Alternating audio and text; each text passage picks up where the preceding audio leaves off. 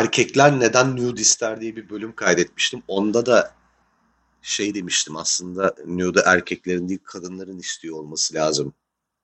Ee, kötü sürprizlerle karşılaşma ihtimali olan sizsiniz falan. O gün bugündür benden nude isteniyor. Çok ilginç bir şekilde o gün bugündür. Kendi ayağıma sıkmış olabilirim. Gelenle giden dengesinde müthiş bir kayma oldu. Sürekli bir e, taleple gelip kardeşim sana öyle dememiş miydin diyen insanlar var. Hayır haksız da değiller nihayetinde benim tavsiyem çünkü benim tavsiyem doğru bir tavsiyedir ama onu başkalarına yapın bana yapmayın. Başkalarından isteyin. Ben bu şeyin dışındayım derler. Tedbirin dışındayım. Son iki bölümü birazcık seri atınca hemen yine sanki bana para veriyormuşçasına sanki bana para veriyormuşçasına hadi yeni bölüm hadi yeni bölüm diye mesaj atan insanların sayısı da çoğaldı. Ee, iki ay ara verince o mesajlar o kadar olmuyor da iki bölümü dört gün arayla atıp sonra bir hafta ara verince büyük saldırı geliyor. Alıştırmamak mı lazım yoksa alıştırdığım düzeni bozmamak mı lazım emin olamıyorum şu anda. Ya aslında çok basit bir iş tamam mı? Bir bakıma hani e, merasimsizlik ise mesele. Yani bir ne bileyim YouTube videosu çekmek değil evet. Oturduğun yerde çayını doldur, sigaranı yak. E, peşinden de işte kayıt tuşuna bas şeklinde basit ilerliyor. Eskiden ben işte yok müzik ekle, yok işte kaydı temizle falan gibi şeylere yelteniyordum. Hani onları da beceremiyordum yani. Bunlara yelteniyordum sadece. Yeltendiğimle kalıyordum. Efendime söyleyeyim. Şimdi öyle de değil ama direkt böyle ne kaydettiysem aynen yapıştırıp geçiyorum. Geçen hatta bir başlamışım kayda. Sonra demişim ki dur bunun baş kısmı benim yani başlangıç intro kısmı pek içime sinmedi. Ben bunu e, kırpayım deyip sonra yeniden başlamışım. Sonra kırpmayı unutup olduğu gibi yüklemişim ve kimse de fark etmemiş bunu. kimse de fark etmemiş o başta alakasız böyle sallanan kısmı hani kesip atmam gereken kısmı. Çok enteresan ya. Hayatım böyle aşırı kalitesiz Türk pornolarına döndü iyicene. Yani tek bir açıdan çekilmiş böyle. Yani anladınız değil mi? Gözünüzde canlandı. Yani Türk pornosu da değil onların adı. Çaresiz ve zavallı e, sex tape girişimleri. Niye yapıldığı belli olmayan, maksatsız. E, yani açtıktan 4 saniye sonra ev amına koyayım bu neymiş deyip kapattı. tek bir açıdan böyle. O da şey açıda şey adamın eli yaklaşık böyle e, 40 saniye kadar sadece yağlı ve sivilceli bir sırt izlediğin sürekli sallanıp sarsılan ve e, sürekli nefes nefese bir yani e, e, insana e, sekse dair hiçbir şey çağrıştırmayan bir seks düşün ya. Korkunç yani çirkin insan seksi anladın mı? Ne yaptığına dair hiçbir fikri olmayan bir erkek var. Ee, ne yapalım artık bulduğumuzla idare edeceğiz diyen bir kadın var. Bu ikisi kendi aralarında çok aslında konuya dairmiş gibi duran ama çok out of context konuşuyorlar falan böyle. Kocam böyle sikebiliyor mu? Evet hayır falan. hayır sikemiyor. Evet işte bu falan. Yani ne, ne, yaptı ki bu info sana ne kazandırdı ki? Orada ne, neyini tetikledi ki senin? Yani performansta bir artış da göremiyorsun. Bu soruyu niye aldığı cevaptan sonra budur deyip mesela bir yükselme de yok. Hala aynı çirkinlik. İşte yani tüm o işte sekse dair güzel şeyleri düşün tamam mı? Gerçek bir sekse dair güzel olan her şeyi düşün. O tutku, o heyecan, o işte adrenalin, kalp çarpıntıları, işte kan ter içinde kalmalar falan. Sonra hepsini unut Bunlardan geriye ne kalıyorsa onu yapıyorlar. Çok korkunç bir şey. Yani tavla oynamak bile daha erotik, daha seksi. Türk amatör pornolarından. Tam olarak işte benim hayatım böyle. benim hayatım tam olarak böyle. Bir hayatta dair olması gereken hiçbir şey yok. ha yaşıyorum mesela ha mezarda yatıyorum. Yani belli başlı vital e, aksiyonlar var evet ama e, yani yaşıyor denmez. Yaşıyor mu diye üstüne böyle yaklaşıp böyle bir kontrol etmek ihtiyacı hissedersin. Anladın mı? Nefes alıyor mu? Ha, alıyormuş falan gibi. Tam morga götürecekken öksüren bir ölü gibiyim. Bu anlamda kalbinin güçlü kadın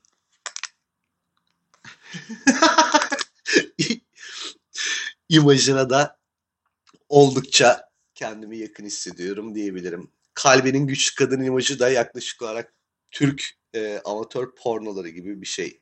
Alelade şeyler yapıp bunu güce tahvil eden bir tavrı var mesela. En son halı sırtlamıştı ve halımı kendim aldım ye falan diye hareketler yapıyordu. Çok komik. Gerçekten acınası hareketler bunlar ya. Yani e, birkaç farklı aspektiyle acınası hareketler bunlar. E, buna kendini inandırmış olması başlı başına zaten patetik de.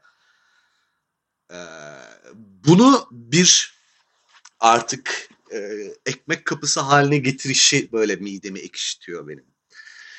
E, Türkiye'deki en e, mide bulandırıcı kadın istismarı yöntemleri arasına sokabiliriz bence bu. E, güçlüyüz, bilmem neyiz, zartız, zurtuz diye belli başlı birkaç tane notaya dokunarak aynı iğrenç gürültüyü çıkaran e, çakma aktivist kadınlarımız, kadın sanatkarlarımız bunu birkaç tanesi daha yapıyor sahnede işte. İstediğimi giyerim bilmem ne yaparım. Ya bir siktir git amına koyayım yani. Tamam ha evet aynen buldular bir damar.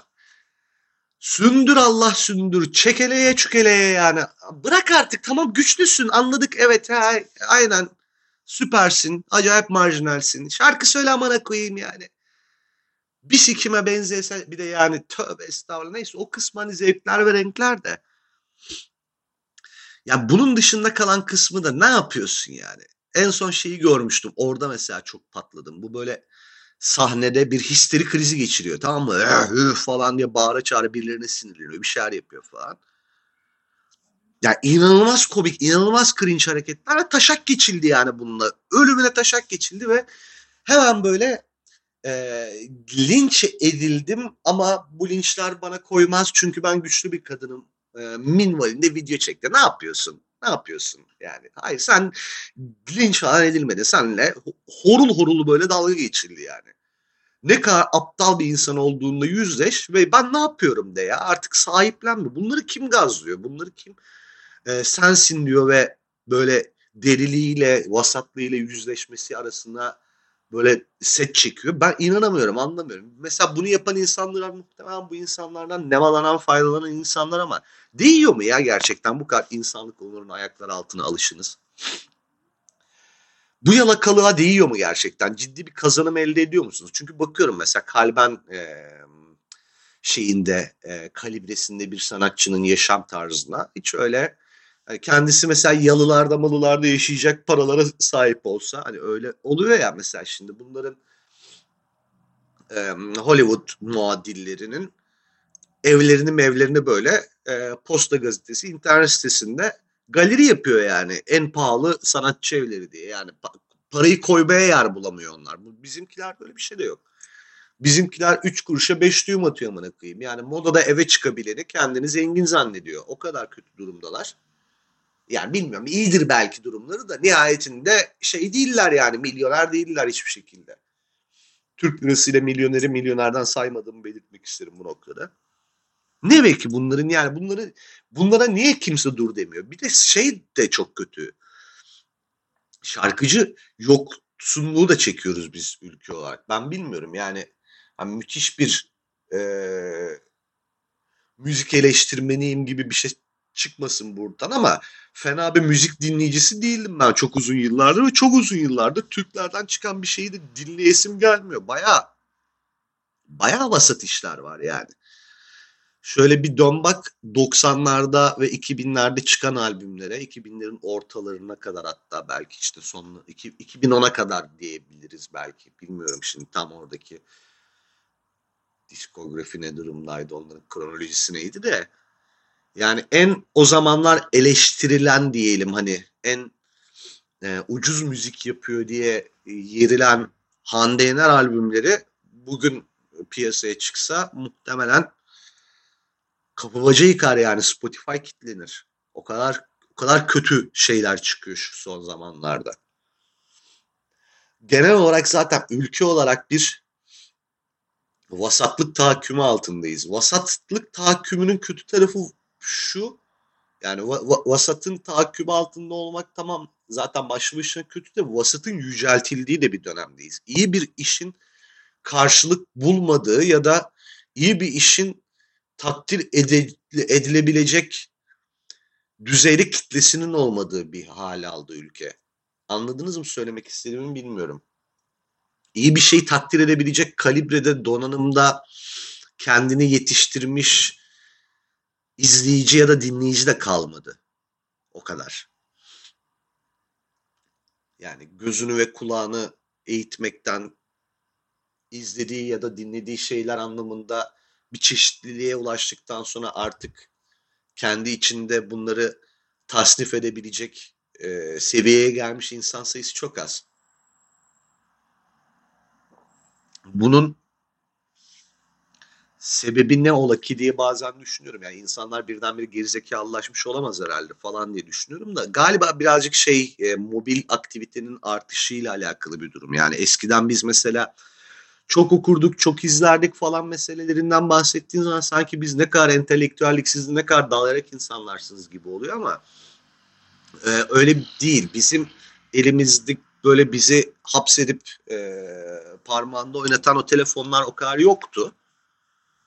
E, olanla anca işte yazışıyorduk, birbirimizle yazışıyorduk falan. Max aktivite bu kadar olabiliyordu. Yani bu kadar mesela Reels'lar, TikTok'lar, işte Twitter timeline'ını kaydırayım, döneyim birazcık da Instagram'ı kaydırayım falan bu yoktu yani anladın mı? Bu seri tüketim ve e, hipnotize edilmişlik bizde olmadığı için e, insanlık hali yani sıkıldığımız da için okuyorduk, izliyorduk ve yeni bir şeyler okumak ve izlemek konusunda müthiş bir motivasyona sahiptik. Tükettikçe daha da tüketesimiz geliyordu tıpkı şimdi de. E, işte mesela Reels izlerken olduğu gibi izledikçe izleyisi geliyordu geliyor insanın şu anda da. Ve haliyle biz daha çeşitli e, bir şeyler izledik dinledik bilmem ne yaptık. Yeni bir şarkı yeni bir grup keşfetmek çok büyük bir olaydı bizim için mesela yani. Çünkü Spotify bu kadar hayatımızın içinde değildi ve bize lambur lumbur bir şeyler rekomend eden sağdan soldan bir algoritmayla çalışmıyorduk. Biz manuel keşfediyorduk bir şeyleri büyük ölçüde falan filan. Anladın mı? Ben şeyi hatırlıyorum mesela ilk e, işte İstanbul'a geldim. E, evimle işimin arasında ciddi bir mesafe var e, vesait anlamında bir metro yapıyorum ki o zaman şanslı hissediyordum kendimi epey. Çünkü sadece metroya ve vapura biniyorum ki iki e, görece e, şey insani taşıttı. Bunun çünkü alternatifleri çok kötü. İşte İETT otobüsü var Allah korusun. 500 TL işe giden insanlar var. Metrobüs desen zaten e, başlı başına bir kabus ben daha böyle mesela oturabiliyordum ya da oturmuyorsam bile birinin e, koltuk altını dil atmadan ayakta dikilebiliyordum falan. Ondan sonra cıma yani şey vapur desen zaten dünyanın bence en güzel toplu taşıma aracı. Yani imkanı olan sık sık vapura binsin. Gerçekten insanı dinginleştiren bir şey vapur. Haliyle böyle olunca mesela yolda e, bir vakit geçirmen gerekiyor ve ben paso kitap okuyordum. Ee, ben benim lisede ve üniversitede okuduğum kitapları e, bir tarafı bırak sırf o dönem okuduğum kitaplar bile e, başlı başına kütüphaneydi yani inanılmaz bir kitap tüketimi vardı. Haftada rahatlıkla sadece işe giderken ve işten dönerken e, bir, bir garanti iki de büyük ihtimalle bitiyordu mesela. Her hafta iki kitap bitirebiliyordum rahatlıkla ki hayıflanıyordum yani iki kitap da az aslında daha da okusan okunur falan diye. Şimdi buna bir de e, ek olarak şu oluyordu. Biz pazartesileri mesela ajansı gidiyoruz. Size de ben anlatıyorum ama vaktiniz var vaktiniz var mı? Sizi de tuttum böyle ama. Hiç yapmadığım bir şey yapıyorum şu anda podcast'te. ilginç bir şey anlatıyorum. Resmen mahcup oldum. Birini kitlemişim ve boş yapıyormuşum gibi hissettim ama bunu anlatmak istiyorum. Bir de mesela işe giderdik. E, pazartesi sabahlarımızda özellikle bizim şey rutinimiz vardı. Bizim çok e, tatlı bir patronumuz vardı diyeceğim ama tatlı doğru olmadı ya karşıma. Tatlı da bir kadın değildi çünkü şu an mesela varlığıyla alakalı mutlu olduğum bir insan. Bu kısmını açarım ama o zamanlar bize batardı birazcık o insan. Neyse bu zaten e, hayatın tabiatın bir kanunu patronuna o kadar da bayılmazsın falan. Yani neyse e, pazartesileri mesela şey rutini vardı bizim iş yerinin.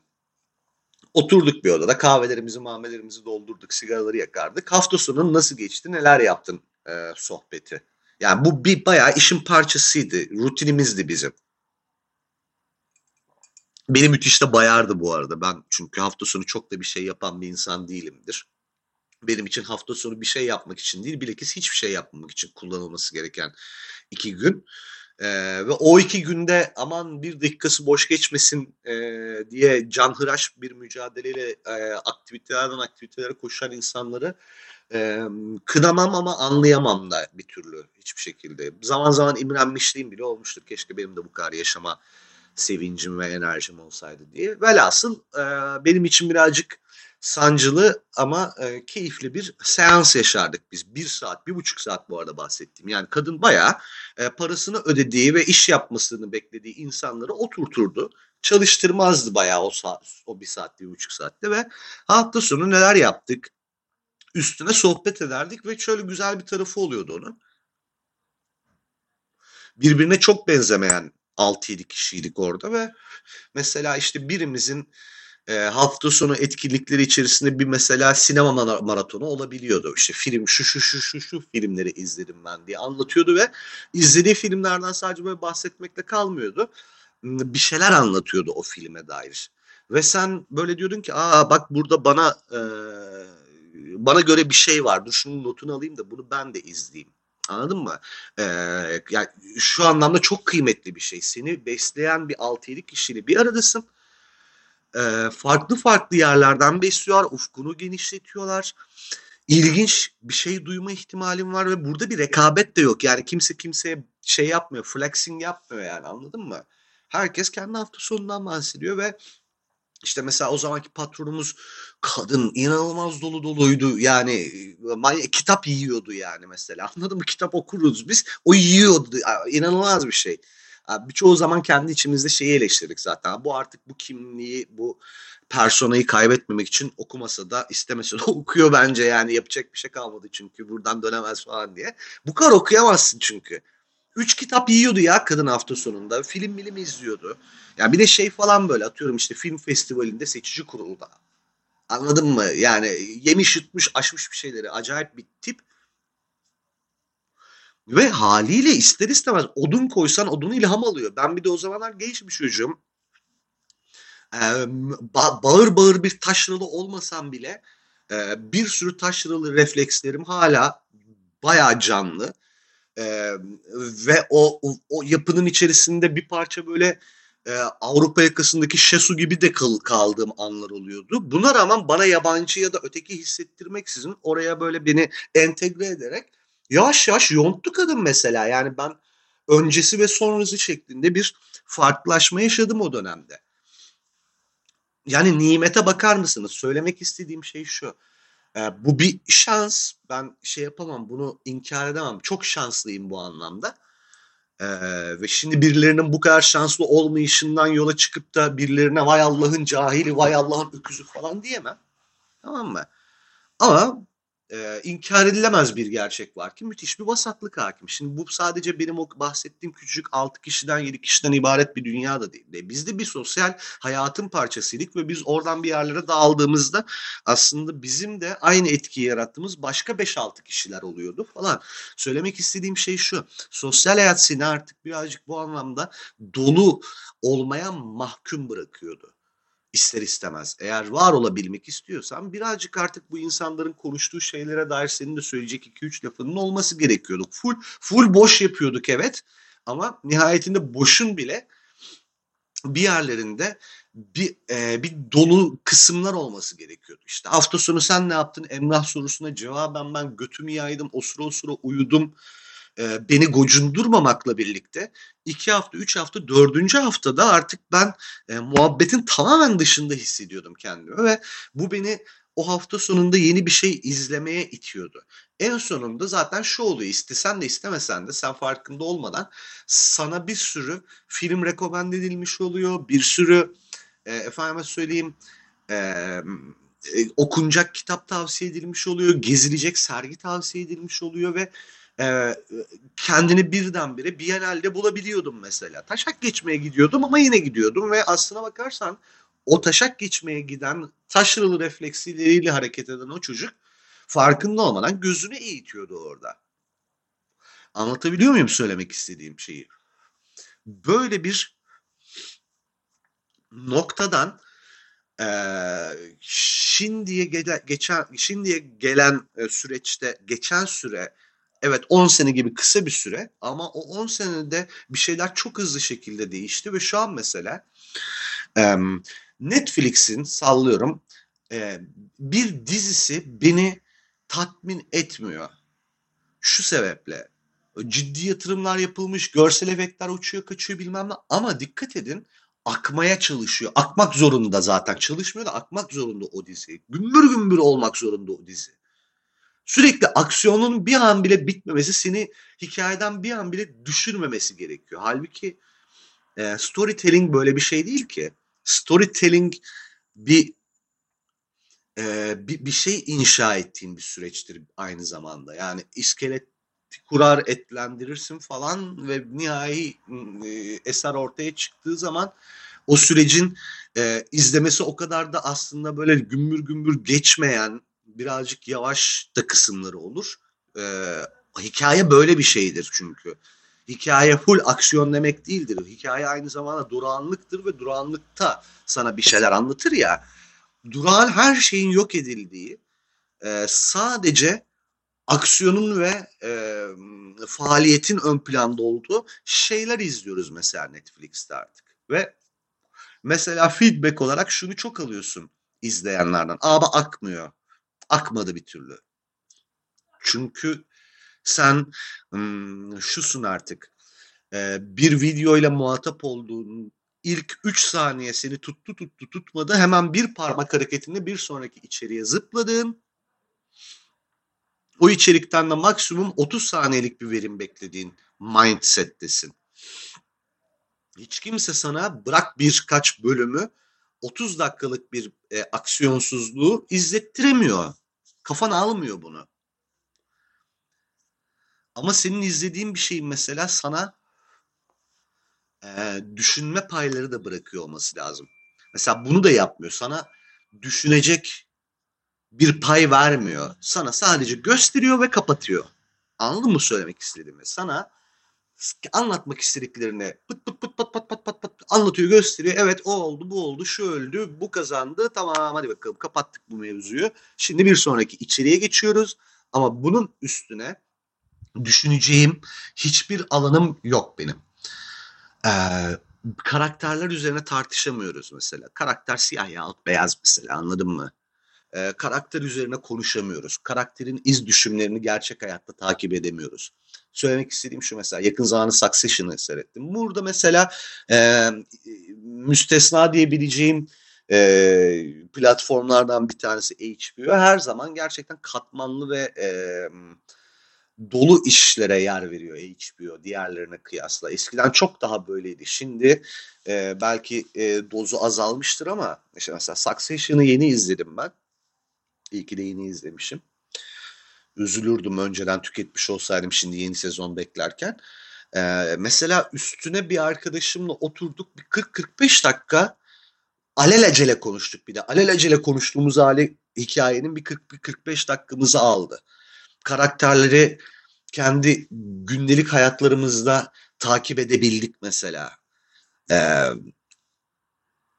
ay şunu çok atlıyoruz hayatı siyah ve beyaz olarak kategorize etmeye çalışıyoruz ama hayat siyahla beyazdan ibaret değil ve kötü budur, iyi de budur deyip konunun içinden çıktığın her senaryoda mutlaka ve mutlaka birinin hakkını yiyorsun.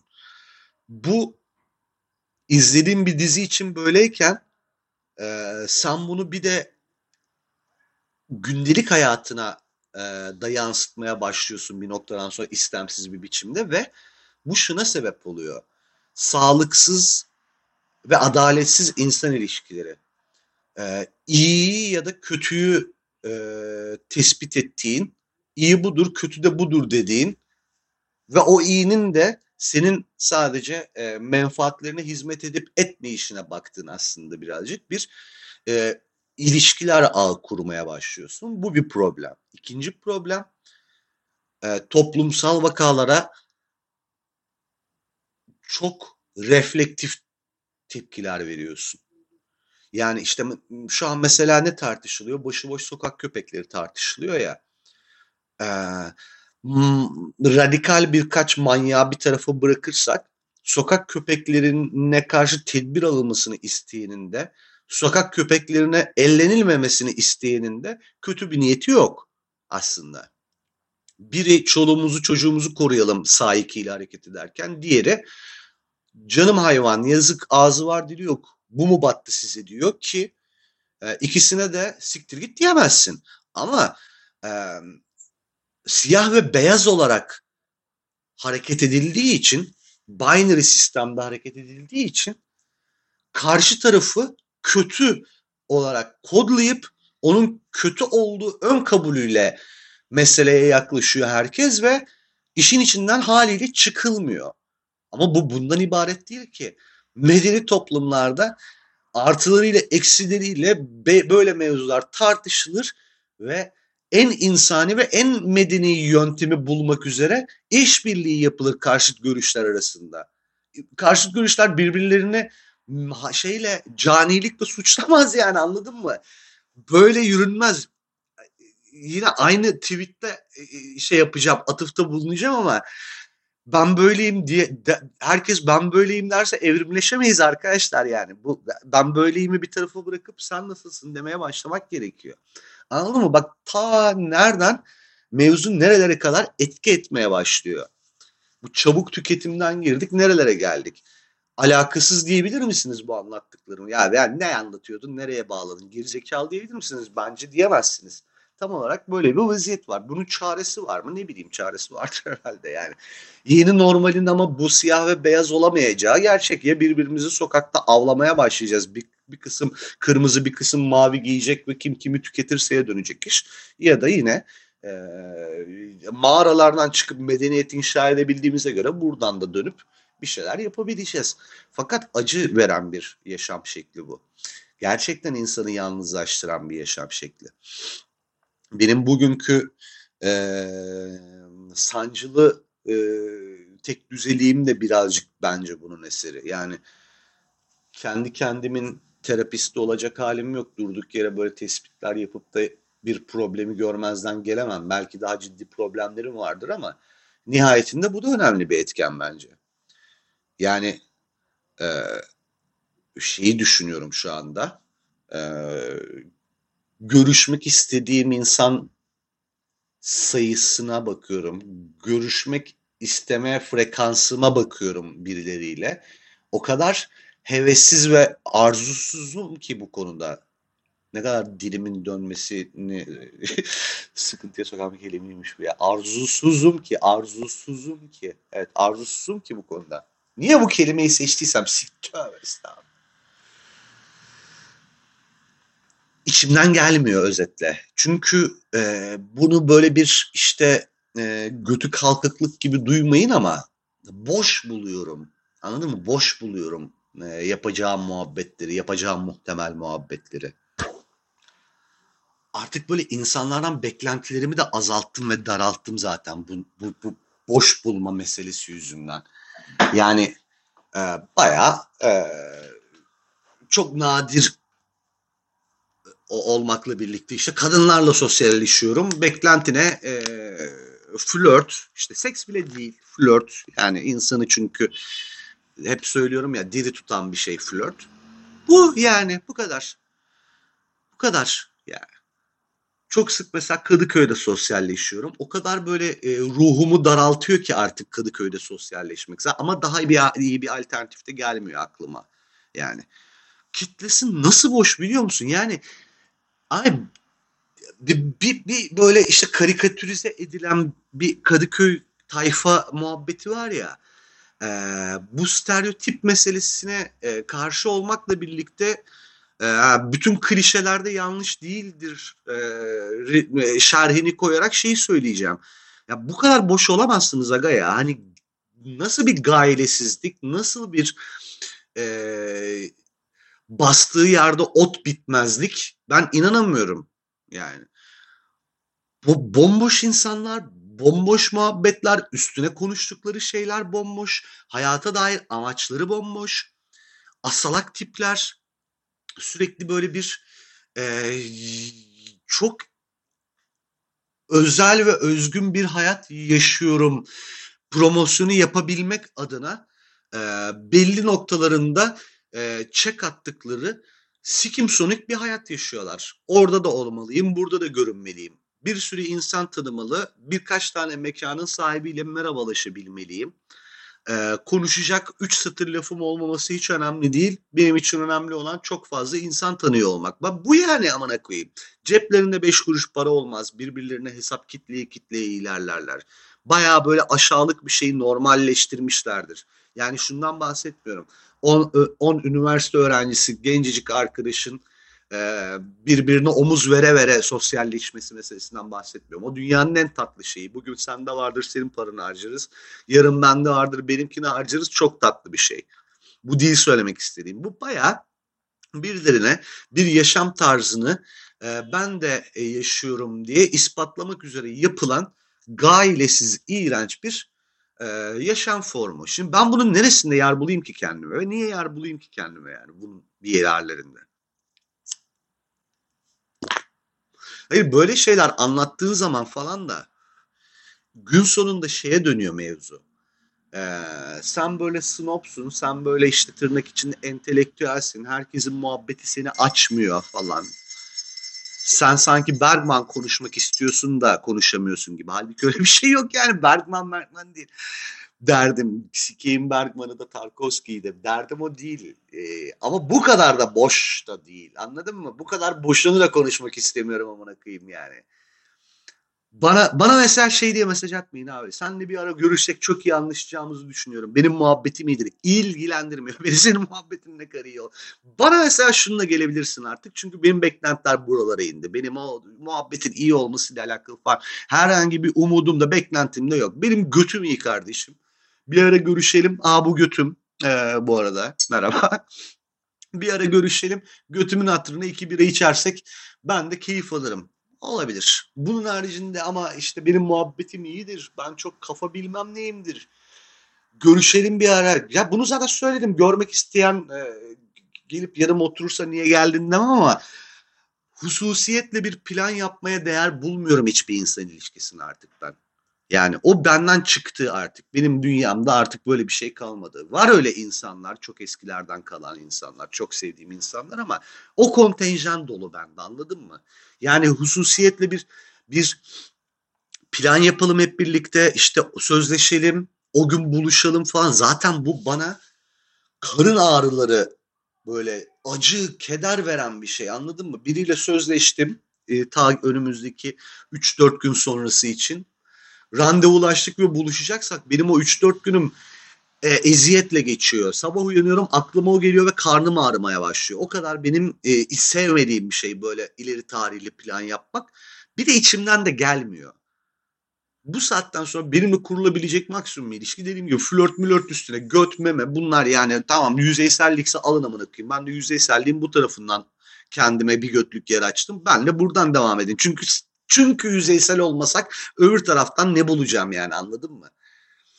Bu insanları küçük görme falan değil. Bu genel olarak e, zamanın ruhuyla anlaşamıyor olmak. Bunu da yanlış anlamasın kimse. Yani ben ben acayip bir yerdeyim. Sırça köşkümde oturduğum yerden sizin o boklu dünyanıza adım atmam demeye çalışmıyorum. Zamanın ruhu bu. Ben bu ruhla iyi geçinemiyorum. Aram iyi değil. Ben orada kendime yer bulamıyorum. Yapayalnız bir insan haline geldim o yüzden de. Geçen gün şu an İngiltere'de yaşayan çok eski bir arkadaşıma onu söyledim. Hala senin İngiltere'ye tamamen yerleşmiş olduğunu içselleştiremedim. Hala sanki geri gelecekmişsin gibime geliyor.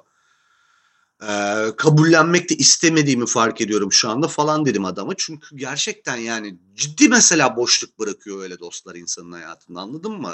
Lambur lumbur dolduramıyorsun orayı. Kullanmadığın eşyaları mı yerleştireceksin? Ne yapacaksın yani?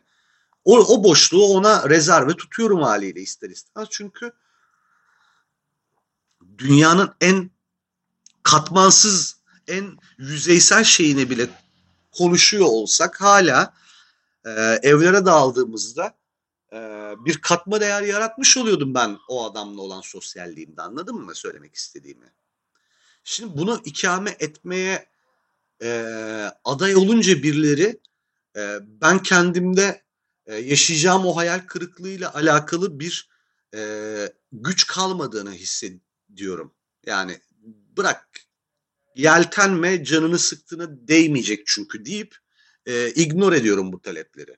Bir gün şans eseri muhakkak tabii yine çok iyi anlaştığım insanlarla falan bir araya geleceğim ya da işte sohbet etmiş olmaktan dolayı çok mutlu olacağım ne bileyim dolu dolu masadan kalkacağım falan filan neyse. Hatta ben belki yine o masaların şeyi olacağım, e, cahili olacağım. Çok çok isterim mesela, özlüyorum bunu. O küçük çocuk olmayı. Ama o zamana kadar en azından bunun arayışında olmayacağımı biliyorum. Bana da bu yönde taleple mesela gelinmesinden açık konuşayım rahatsızım. Yani benim muhabbetim çok iyidir, ben şöyleyimdir, biz seninle iyi anlaşırız falan. Abi ilgilenmiyorum ya. Hani bir ara ben bira içerken görürsen yanıma uğra tabii. Hiçbir şekilde vay nereden çıktı bu dallama demeyeceğim. Ama e, bu vade istinaden de kimseyle e, arkadaş olmak istemiyorum. Benle kuracağınız bütün ilişkiler flört üzerinden olsun sadece lütfen. Ama bir yere varsın diye de beklemeyin.